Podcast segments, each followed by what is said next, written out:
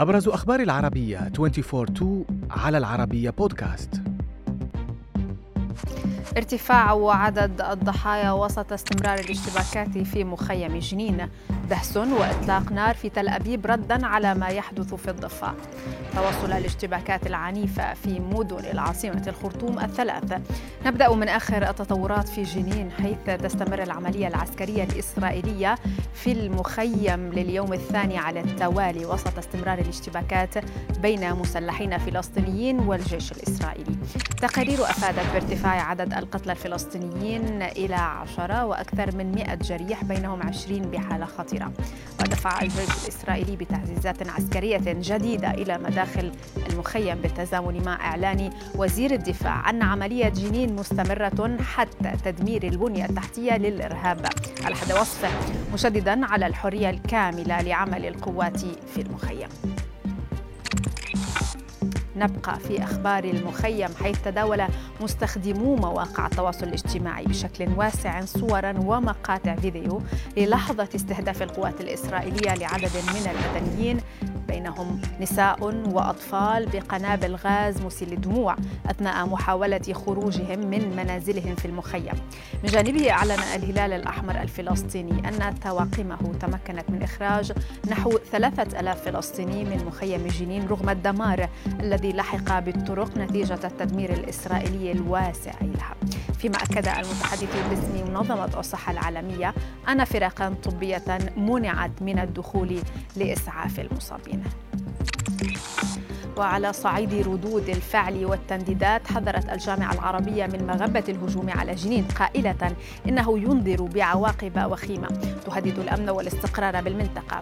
مندوب فلسطين لدى الجامعة العربية قال خلال اجتماعها على مستوى المندوبين لبحث الأحداث في جنين قال إن الشعب الفلسطيني يتعرض لحرب إسرائيلية تحت أبصار العالم. فيما عبر مكتب الأمم المتحدة للشؤون الإنسانية عن قلقه من حجم العمليات الجوية والبرية التي تجري في جنين بالضفة الغربية. مؤكدا انزعاجه بشدة بعد مقتل ثلاثة أطفال فلسطينيين في جنين خلال العملية الإسرائيلية. أدى هجوم في مدينة تل أبيب إلى إصابة سبعة أشخاص على الأقل بجروح متفاوتة عن طريق عملية دهس أو طعن.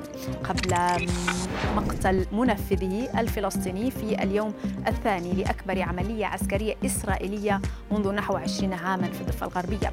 القناة الثالثة عشر الإسرائيلية أفادت بأن راكب دراجة نارية شاهد منفذ يطعن الناس فقام بإطلاق النار تجاهه وأسقطه فلولا ذلك لاستمر بالطعن فيما أشادت حركة حماس والجهاد الإسلامي في غزة بالعملية البطولية والنوعية التي رأتا فيها رد فعل طبيعي على جرائم الاحتلال في جنين وفقا لتصريحات الحركتين.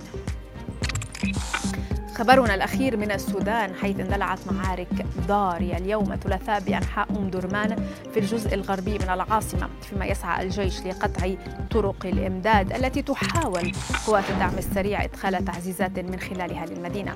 سكان محليون قالوا إن الاشتباكات في أم درمان كانت الأعنف منذ أسابيع وأن الجيش حاول كسب مساحات من الأرض كما حاول صد هجوم لقوات التدخل السريع على قاعدة للشرطة. فيما قالت قوات قوات الدعم السريع إنها أسقطت طائرة مقاتلة. ونشر السكان المحليون مقاطع مصورة تظهر طيارين يقفزان من طائرة بحسب ما أوردته وكالة رويترز.